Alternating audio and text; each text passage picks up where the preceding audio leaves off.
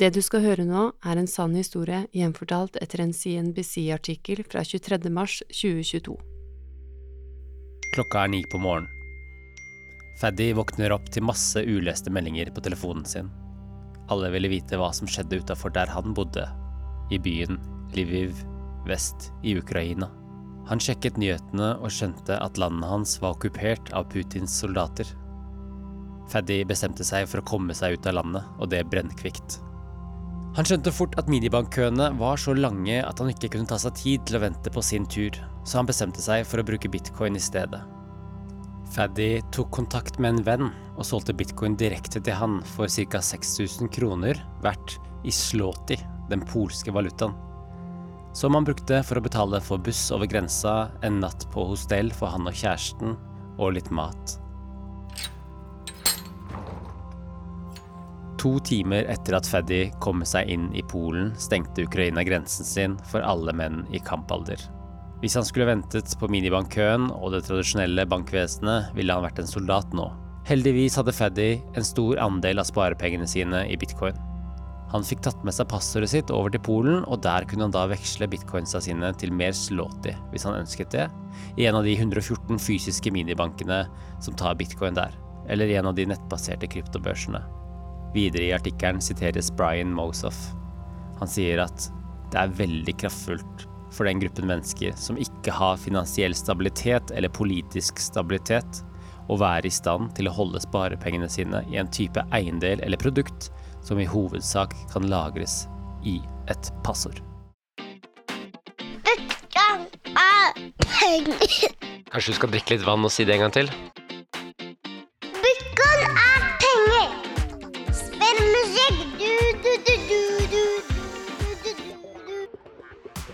Episoden er sponset av Firi, stedet hvor jeg har kjøpt bitcoin de siste årene.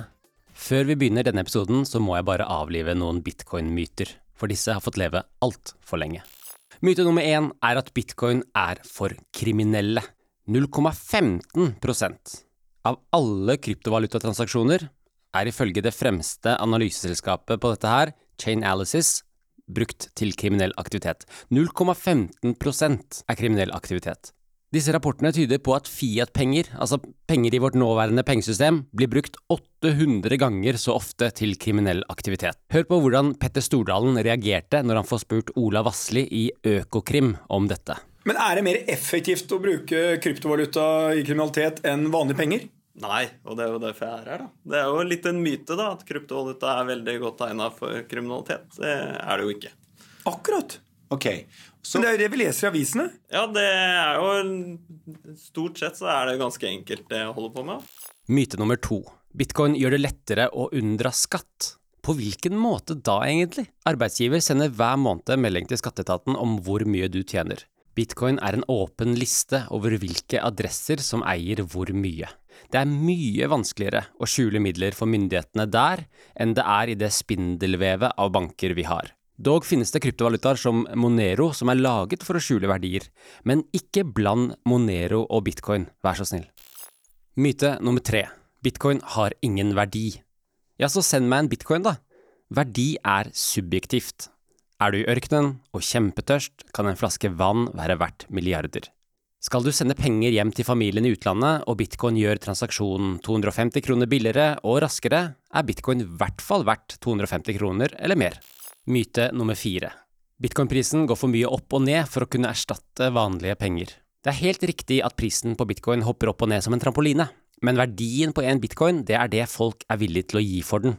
Det er hele den økonomiske politikken til bitcoin, men det finnes et hav av løsninger på hvordan man kan bruke bitcoin som penger. Ta for eksempel det enkleste, El Salvador. Der har du både den amerikanske dollaren og bitcoin som offisielt betalingsmiddel. Prisene blir oppgitt i dollar, men du kan betale med bitcoin ut ifra hvor mye bitcoin er verdt der og da. Myte nummer fem. Det printes ikke penger i Norge. Finansavisen har en klassisk artikkel som heter Visste du at penger du lånte av banken ikke fantes fra før? Med ingressen Spør en samfunnsøkonom om hvordan penger skapes, og du vil mest sannsynlig få et galt svar. Ok, når du tar opp et lån i banken, så skjer det en del tekniske ting, men i bunn og grunn så lages pengene ut av tynn luft. Hør på hva USAs sentralbanksjef Jerome Powell sa til 60 Minutes. Fair to say you simply flooded the system with money. Yes, we did. That's another way to think about it. We did. Where does it come from? Do you just print it? We print it digitally. Velkommen, Johanne. Tusen takk. Har du hatt en fin kveld så langt? Jeg har hatt en veldig fin kveld.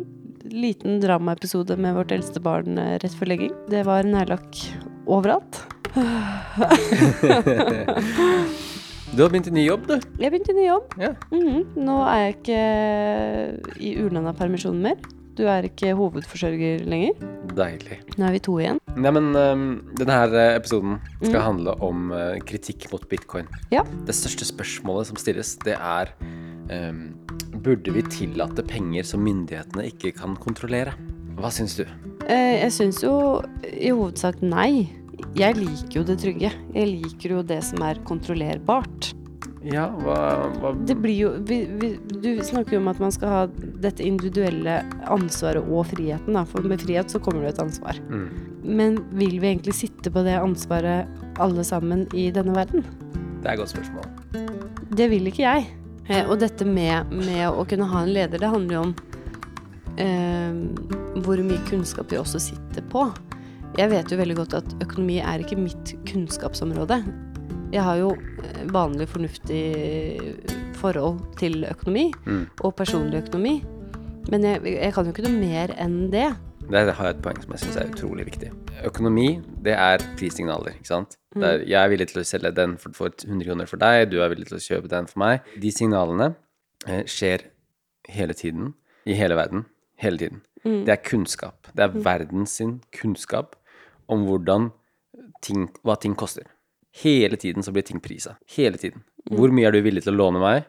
Hvilken rente er du villig til å gi meg? Det skjer sånne milliarder hvert eneste sekund. Summen av all den kunnskapen, det er på en måte en kunnskap som er så vanskelig å skjønne, så vanskelig å fatte, at tolv stykker rundt et bord i USA klarer ikke å skjønne den der. Så hvis vi heller tenker på en helt annen måte, at ok, her har vi et fast sum med penger, og så kan dere, milliarder av mennesker, velge hvor mye de er verdt. Ja. Og så kan vi putte mer verdi inn på de 21 millionene. Istedenfor at ok, vi trenger 21 millioner til. Nei, vi trenger 5 millioner til. Nei, vi trenger 700 milliarder for å baile ut disse bankene. For, og så kjøper vi noe skitne drittlån for bankene, sånn at ikke de går sa sammen. Sånn at ikke aksjemarkedet krasjer. Altså, Men hva skjer med alt som Hva skjer med systemet som er nå, da? Det med at eh, folk har høy gjeld? Hva skjer hvis vi skulle bytta ut dette her? Vi har jo lån på huset vårt. mm. Hva, hva skjer med det lånet der, hvis vi plutselig skulle gått over til kryptovaluta eller bitcoin, da? Mm. Nei, em, det er vanskelig å si. Eh, og jeg tror ikke vi plutselig går over til bitcoin. Nei. Det som skjer i vårt system nå, er jo at uh, lånet vårt blir mindre og mindre med åra, med inflasjonen, ikke sant. Mm. Sånn at det er bra for oss som eier. Jeg slår et slag for de som ikke eier. Mm. Boliger blir bare dyrere og dyrere. Det blir bare lenger og lenger unna en drøm. Mm. Folk som allerede eier, bare eier mer og mer verdifulle ting. Mm. Eiendomsmarkedet bare stiger og stiger. Vi er så glad. Men når vi skal selge her, Mm. og får to millioner mer enn det vi kjøpte det for, så må vi fortsatt gå og kjøpe et hus som koster to millioner mer Mm. et annet sted. Sånn at det er ikke Ah, Det er, så, det er kompleks. Det er Mm. veldig komplekst. Men la meg snakke om én siste ting Ja.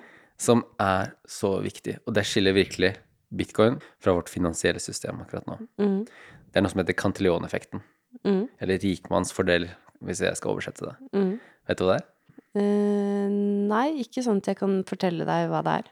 Det er basically en teori som er lagd av en som heter Cantillon, som sier at jo nærmere du er printingen av nye penger, jo mer gagner du av den. Ja.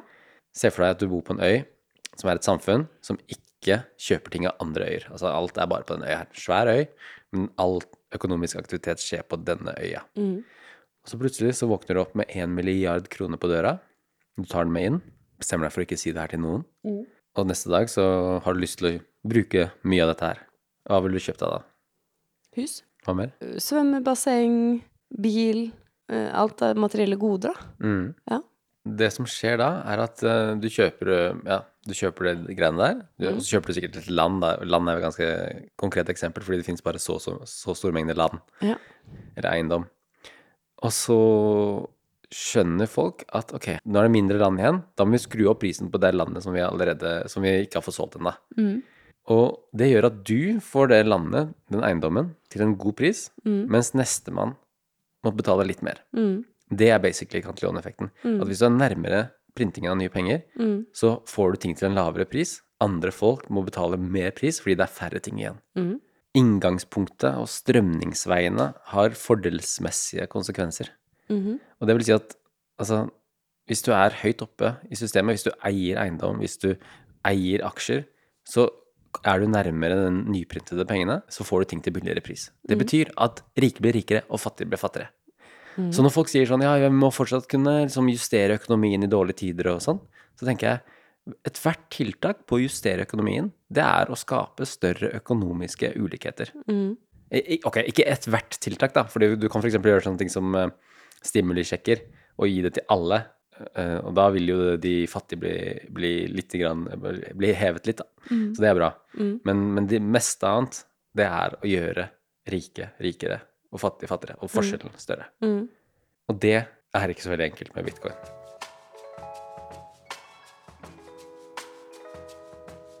Tittelen på denne episoden er at bitcoin trenger bedre kritikere. Men det betyr ikke at det ikke finnes ålreite kritikere av bitcoin, altså. Et eksempel på det er når Bjørn Sterk, en forfatter og teknolog, møtte Erik Dale til en debatt. De ble sittende og prate om hvor ideologiske bitcoinere er. å holde på en idé, en, en, en troen på en, noe, eh, samme hva som skjer, eh, det er jo en ja, eh, litt, litt avskrekkende. og Samtidig så er jo det, det kanskje det eneste håpet man har. Men der vil jeg være helt uenig og si at det er stikk motsatt. Altså Det er jo Fiat-folket som skriver kronikker og argumenterer og nekter å gi slipp på et verden som allerede er død, mens det er vi som er i krypto. Vi har jo endret meninger veldig mange. Vi begynte med blokkjeder, så gikk vi til krypto, og så nå har vi eh, etter hvert liksom kokt ned til hva er det egentlig dette gjelder. Så vi har vært på en reise og endret meninger mange ganger. Og alle vi begynte jo nødvendigvis i Fiat. Så det er umulig å hevde at det er bitcoinere som er, som er eh, veldig satt på noe. For det er jo Fiat-folket som på tross av at, at valutaen de argumenterer for mister verdi år etter år, 8% i fjor alene, så med mindre du hadde en lønnsøkning på mer enn 8 i fjor, så tapte du penger i fjor. Du gikk ned i lønn. Eh, og eh, på tross av alle disse signalene, på tross av krig, på tross av at eh, The Federal Reserve eh, holder på som de gjør, så, så nekter man å, å eh, vurdere hvorvidt kanskje Bitcoin kan være noe annet enn et liberalistisk prosjekt, og man avfeier det som ideologisk, fremfor å vurdere hei, kan det være at jeg som privatperson har en egeninteresse for meg, for min familie, for mitt lokalsamfunn i å ta denne, dette alternativet seriøst. da. Men ok, nå, nå reagerte jeg veldig sånn uh, Men, men, men det, det jeg tror det er veldig sånn For jeg merker jo det at alle på, på Fiat-siden påpeker ofte at de opplever oss som en kult. Men vi i vår, uh, vår gruppe opplever veldig Fiat-folket som en kult. Og veldig, altså Dere har jo, dere har jo sendt institusjoner, og eh, folk blir til Agent Smith og skal inn og liksom forsvare Fiat uten å ha noen spesiell Hvorfor? Hvorfor forsvarer du Fiat? Hva er poenget? Er det noe barndomskjærlighet du har hatt, eller hva er det som er så bra med Fiat, liksom? Erik snakker her om de amerikanske inflasjonsnumrene, som nå er på 8,5% Men jeg vil ha med her hvorfor vi snakker så mye om amerikansk økonomi. Det er fordi en uforholdsmessig stor del av verdensøkonomien er den amerikanske økonomien. I 2021 var nesten 90% av alle internasjonale handler gjort i dollar. 60% av valutareserver utafor USA var i dollar, og 40% av gjeld utafor USA var gjort i dollar. Det er ifølge den fantastiske boka Check Your Financial Privileges av Alex Gladstein. Videre i sendinga kommer de inn på dette med energibruk.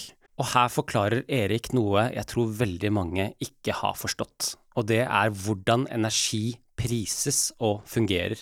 Hør på dette her. det å mine bitcoin Dette er litt sånn dårlig forstått. Det å mine bitcoin er veldig kostbart. Sant? Det koster veldig mye eh, i utstyr og energi. Sånn at det eneste som kan drive med bitcoin-mining, som er veldig veldig kompetitivt Hele verden konkurrerer jo om å tjene disse bitcoinsene.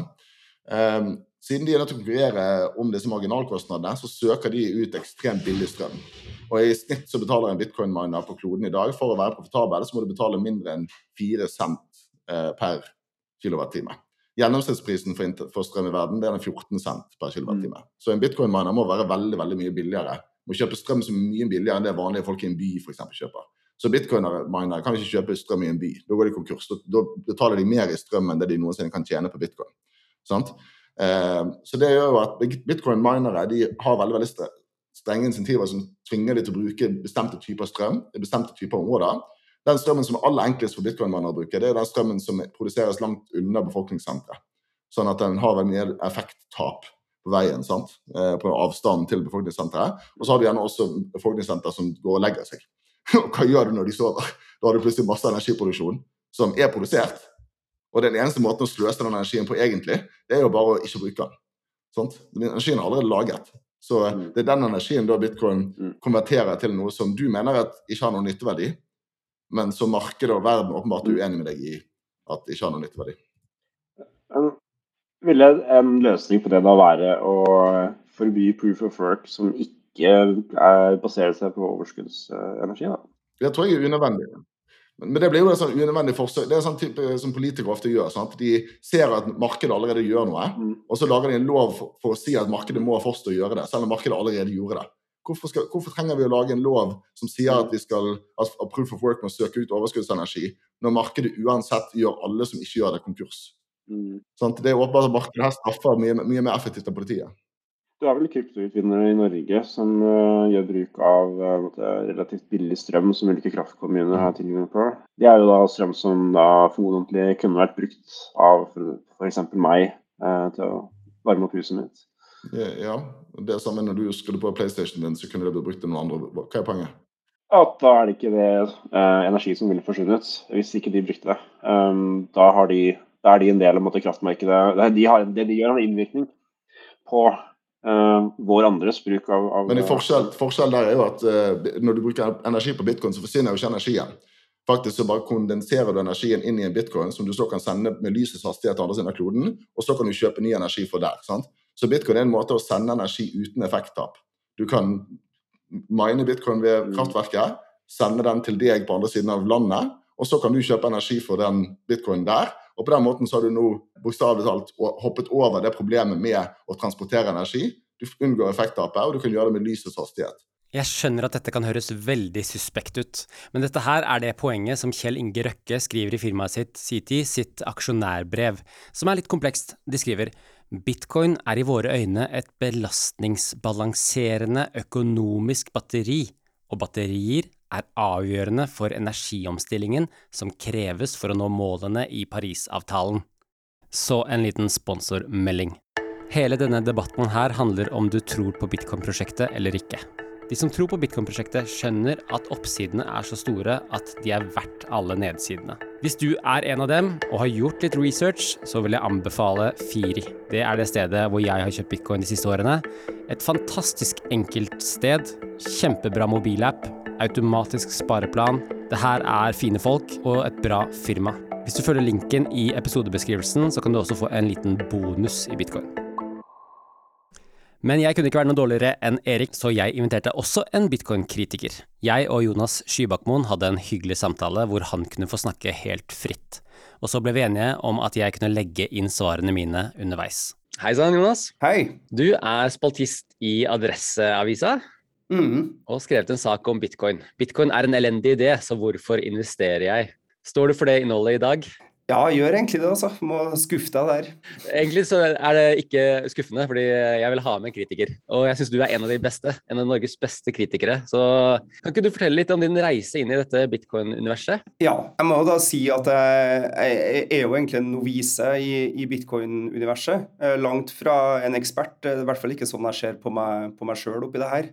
Eh, Men eh, det det her starta med for min del, eh, var jo at jeg hadde hørt om bitcoin i, i mange år og eh, fulgt med bare sporadisk på, på nyheter om det. Og også en del eh, kommentarer og meningsinnlegg om det, eh, der folk hadde sterke meninger i ulike retninger. Og så kulminerte det hele i et julebord før, før jul i fjor, der flere av kompisene mine brukte eh, uforholdsmessig lang tid på å diskutere bitcoin. Og der jeg egentlig hadde eh, veldig lite å komme med. Jeg kjente jo kanskje inni meg at jeg var Eh, Men det er kanskje litt sånn jeg er, da, at jeg, altså blir litt kritisk når folk er sterkt overbevist om noe. Eh, For det var jo da noen gode venner av meg som, er, som har veldig trua på bitcoin, som var der. Og så bestemte jeg meg vel etterpå for å eh, prøve å lære meg mer om det her, da. Og da eh, leste jeg enda mer om det. Både kritikk og, ja, og hyllest av, av, bitcoin. Så hørte jeg på din podkast og så en del på Krypto til frokost med Erik Dale. Og så begynte jeg å investere litt så smått, med, altså på veldig, veldig lavt nivå. da. En nanosum bare for å se ja, få en følelse av hvordan det her funka. Og målet mitt var jo liksom da, å forstå mer om hva bitcoin er. Og det er på en måte Til min store skuffelse så oppdaga jeg at det er kanskje ingen som har forstått det helt. Det fins i hvert fall ikke noe omforent forståelse av hva bitcoin faktisk er eller skal være. Og jeg har prøvd å dykke litt dypere ned i om det, om det kan sammenlignes med en, med en vanlig valuta, f.eks., som man bruker til å kjøpe varer med. Og sånn brukes jo bitcoin i veldig liten grad uh, i dag. Og jeg lurte på om det kunne sammenlignes med en, med en aksje, uh, men kom vel fram til at det, det er jo ikke knytta til noe reell aktivitet i et, i et, selskap. Så den beste på en måte tolkninga jeg greide å tvile meg fram til, da, var jo at det er det er et morsomt investeringsobjekt der det handler om å kjøpe til lav pris og selge til selv til høyere pris. Og at det kan være fett nok å holde på med det i et, et slags bitcoin-kasino. Men at det er mange ting som tar det mot at, at det her vil ta over verden. Og dessuten, hvis det tar over verden, så kan det virke på meg som den verdenen er ganske grim og håpløs, da. Ok, jeg skyter inn her for å forklare hva jeg tenker om saken. Bitcoin er noe helt nytt, så det er vanskelig å finne den perfekte sammenligningen. Eh, gull er ganske god, aksjer er ganske greit, men dette her er desentralisert digital knapphet. Det er en oppdagelse. Bitcoin det er en form for digital valuta bygget på en idé formulert av Satoshi Nakamoto i 2008. Bitcoin er den første suksessfulle valutaen som er laget på internett. Den er både sikker og fungerer uten sentralbanker eller myndigheter. Blokkjeden til bitcoin kan sammenlignes med et eh, Excel-dokument som til enhver tid er åpent for alle, sikret med kryptografi, og hele dette Excel-dokumentet fra den første transaksjonen ligger åpent ute på internett. Det gjør at bitcoin egentlig er matte. Det er en oversikt over hvem som eier hva til enhver tid, oppdateres hvert tiende minutt. Om det lager en håpløs og grim verden, det kan vi snakke mer om seinere, men la oss gå tilbake til intervjuet med Jonas. Det er jo det som er litt farlig med det her, at det blir en sånn stor debatt om, om absolutt alt, da. Men en ting som jeg har sett, også fulgt med litt på Twitter, selvfølgelig også fordi jeg, fordi jeg blir tagga i masse innlegg for bitcoin på Twitter nå, etter at jeg har vært kritisk. Nok av profiler med, med rare profilbilder med lysende øyne som vil at jeg skal gå tilbake på min kritikk, på en måte, eller ja, overbevise meg. da. Det har ikke vært noe ubehagelig, det. altså. Det, det har bare vært interessant. Men jeg ser jo nå f.eks. at det har blitt brukt som argument at fordi eh, en del donasjoner til Ukraina har gått i bitcoin, altså til ukrainske myndigheter, til, til hjelp i kampen mot uh, Putin, at det, at det, er et argument da for at bitcoin har noe for seg. ikke sant? Her kan de faktisk uh, Eh, gjennom helt sikre kanaler få kalde finanser da, til, til, å kjøpe militært materiell, utstyr eller det de trenger. For alle den type argumenter da, som er løsrevne eksempler, så finnes det eh, like løsrevne eksempler som er gode argumenter for det, for det motsatte. Altså, mm. Det har jo allerede kommet saker om hvordan oligarkene i, i Russland nå prøver å unndra seg vestlige sanksjoner eh, med å kanalisere midlene sine inn i, inn i bitcoin og krypto. Så det er liksom for, for, for hvert eksempel på at noen kan ha nytte av bitcoin, så finnes det et eksempel på den andre, andre sida om at udemokratiske, autoritære, fæle eh, kreftene eh, også benytter bitcoin.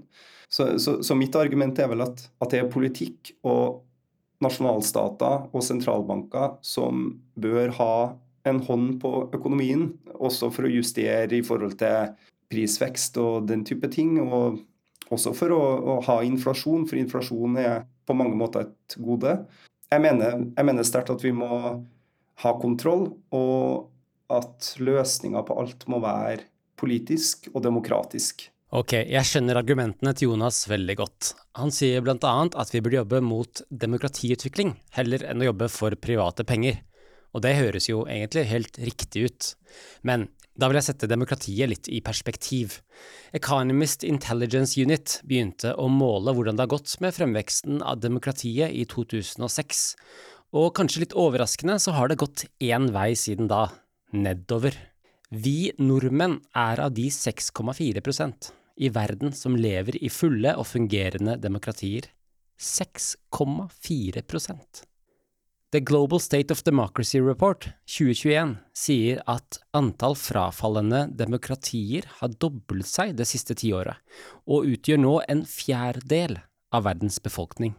IDEA generalsekretær Kevin Casas Somora sier i forbindelse med denne rapporten at hvis det er ett nøkkelbudskap i denne rapporten, er det at dette er tiden for demokratier til å være dristige, for å innovere og revitalisere seg selv. Så hvordan kan demokratier revitalisere seg selv? Det er kanskje dette med maktbalansen mellom myndigheter på den ene siden og folket på den andre som jeg er mest håpfull for, spesielt i udemokratiske land. Hvis nok folk begynner å bruke bitcoin, så kan ikke lenger myndighetene printe penger for å berike seg selv, slik mange diktatorer gjør. Myndighetene kan heller ikke lenger stoppe transaksjoner de ikke liker, slik at det blir lettere å stille opp som politisk motkandidat i tvilsomme demokratier og organisere demonstrasjoner. Innbyggerne får også en siste sjanse til å flykte landet med pengene sine, hvis de våkner opp til krig eller at autoritære militante ledere har tatt over makta. Myndighetene får mindre kontrollmekanismer, mer makt og frihet til folket. Kanskje historien burde gjenta seg selv, og vi må få en ny reformasjon. La meg komme med en liten rant. Satoshi Nakamoto er 21. århundres svar på Martin Luther. Etter et lynnedslag nesten traff Luther i 1505, bestemte Luther seg for å droppe planene om å studere juss og heller satse på munkelivet.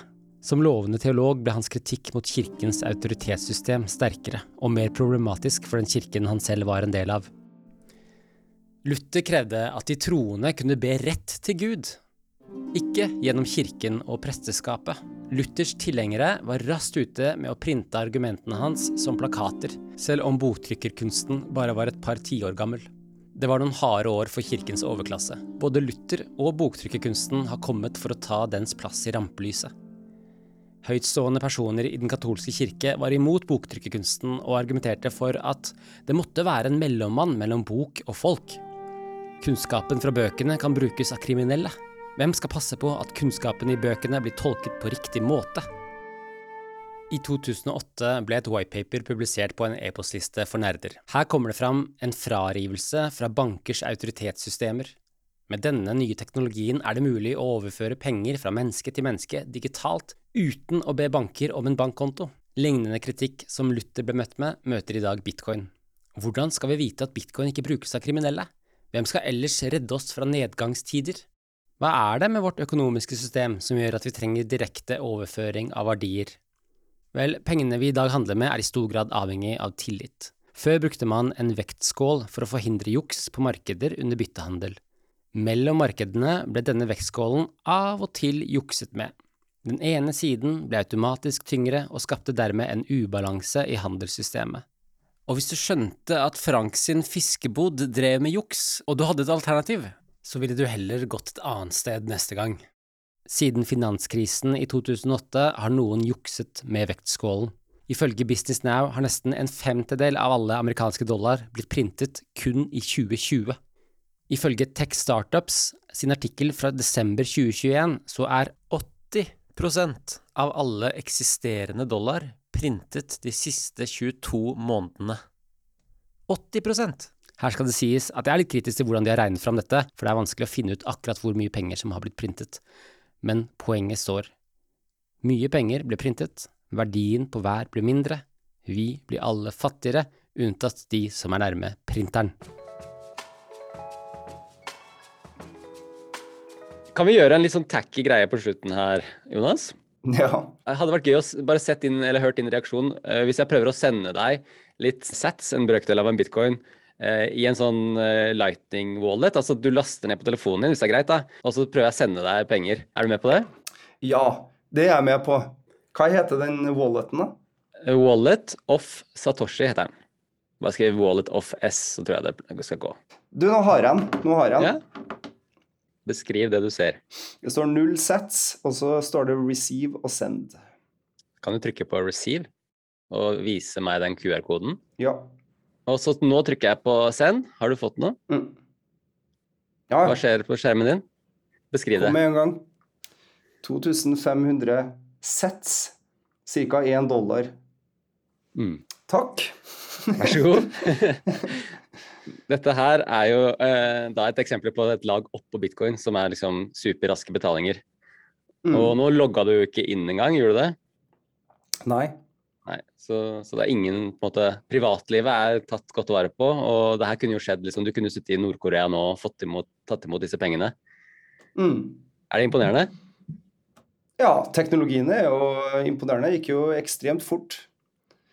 Lurer på hvor mange CO2-ekvivalenter vi har sluppet ut ved at du sendte meg den dollaren, men eh, det har kanskje du svaret på. Ja, jeg tror det er, jeg tror det er godt som null. Er det sant? Det har ikke noe med blokkjeden bitcoin å gjøre. Dette er oppå det igjen. Jeg har jo sendt bitcoin til dette her gjennom blokkjeden. sånn at eh, Den gangen så brukte du jo bitte litt grann CO2, men eh, nå er vi på et lag oppå hvor det ikke brukes noe CO2, cirka. Skal jeg se hvor mye jeg brukte i FIS, altså hvor mye jeg, i avgifter jeg betalte. Null, står det her. Ja, så det er, det, er, det er ingen kasino som tar en rake av eh, det greiene her? Det kan være noe som blir tatt, men da er det mindre enn eh, null kroner. Altså, eh, ikke mindre enn null, det går ikke, men mindre enn eh, Altså det blir runda ned til null, da. Men hva, hva kan jeg gjøre med det her nå? Ja, ok. Hvis du går på appen, og så går du på, eh, går du på de tre prikkene oppe i hjørnet, Mm. og så går du på Find Merchants and ATMs, altså det er utsalgssteder og eh, minibanker. Aha, nettopp. Og så, og så zoomer du ut, og så ser du om du finner noe i Norge. Og det gjør du kanskje, men eh, den sjappa den er lagt ned, bare så du veit det. ok. Det er en i Oslo. Jeg lurer på om det kanskje er noe oppe i Trondheim? Nei, ja, det er en i Trondheim. Asteco Vendor i Kjøpmannsgata.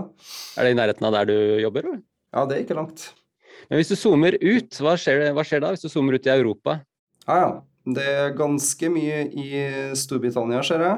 Og hvis du zoomer ut på hele verden og går litt bort til eh, Amerika f.eks., hva ser du da? Der er det masse, ja. Jeg greier ikke å summere det i hodet, men eh, det er, det er jo godt over eh, Det nærmer seg sikkert 10 000 det her, da. Vet ikke. Hva, hva forteller det deg?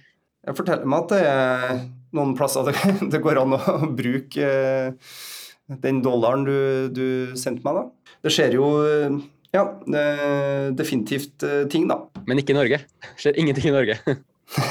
Det skjer lite i Norge. Ja.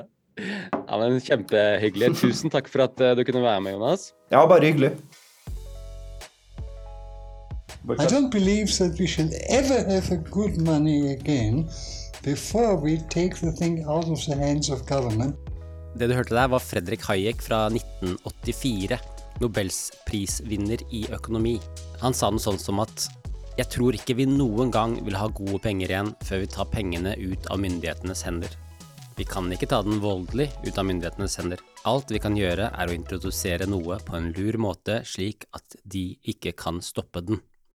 Det er vanskelig for oss i gode, oljerike Norge å se behovet for et nytt pengesystem. Vi er privilegerte og heldige. Men selv om det ikke er mange steder i Norge du kan betale med Lightning, så er det mange steder rundt om i verden, og utviklingen den skjer raskt. Ifølge Arcane Research sin siste rapport om Lightning, så har antall betalinger som skjer på Lightning-nettverket doblet seg det siste året. Og verdien på disse betalingene har gått opp 400% I fjor sommer så var det ca. 100 000 som hadde tilgang til Lightning-betalinger. I mars 2022 estimerer de at det vil være mer enn 80 millioner mennesker. Lark Davis har gjort utregninger som sammenligner hvordan antall brukere av internett vokste fram, med kryptoadopsjon.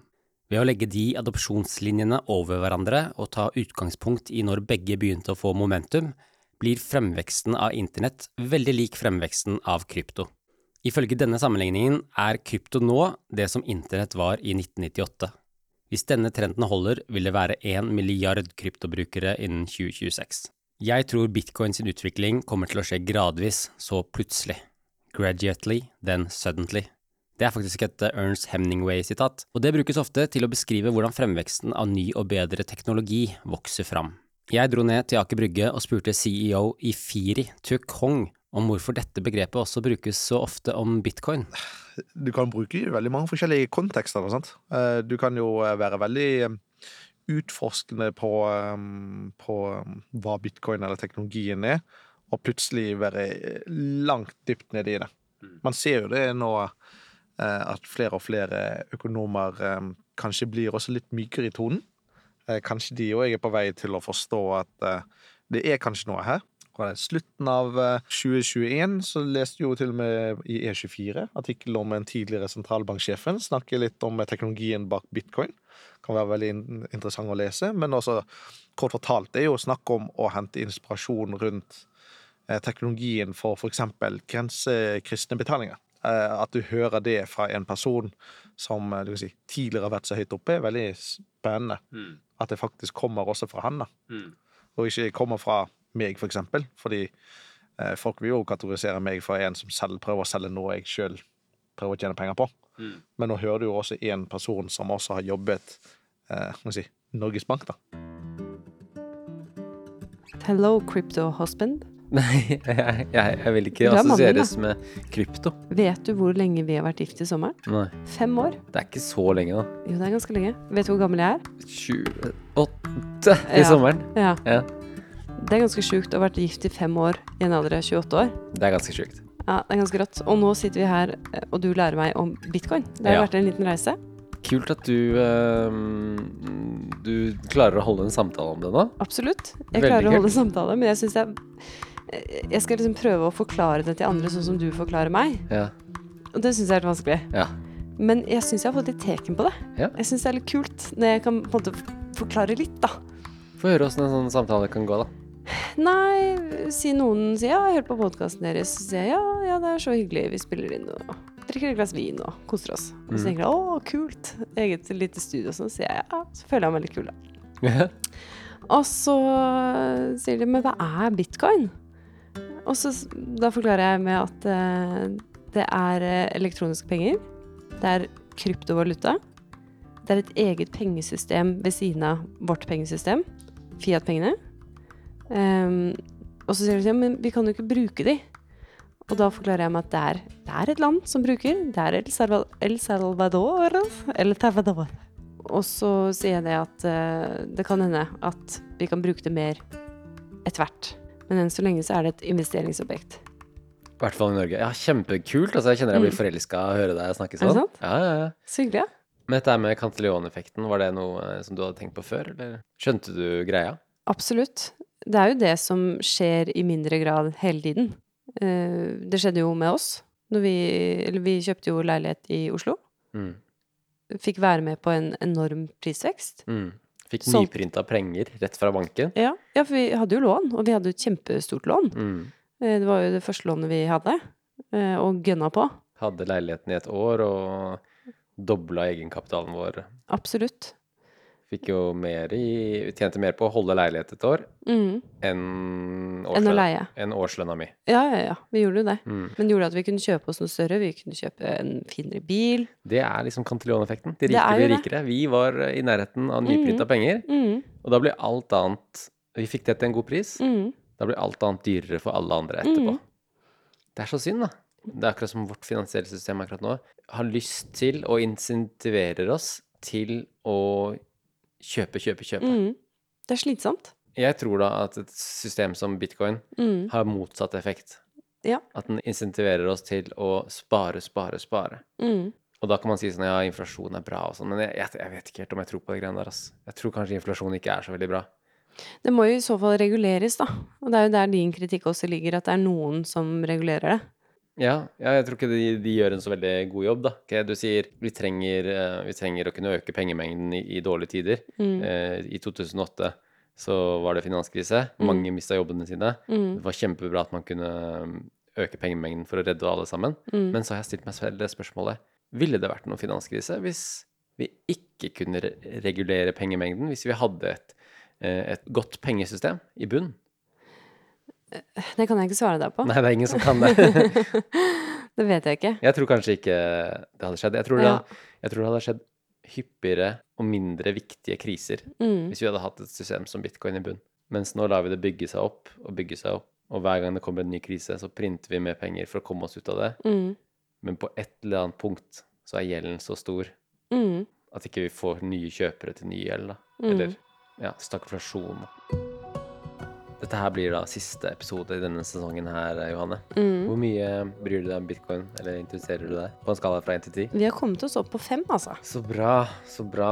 Takk for at du ville være med på dette prosjektet, Johanne. Bare hyggelig. Så til slutt så vil jeg bare si at uh, hvis du har en venn som er veldig kritisk til bitcoin, så hadde det vært hyggelig om du sendte denne episoden til den personen. Det hadde jeg satt stor pris på.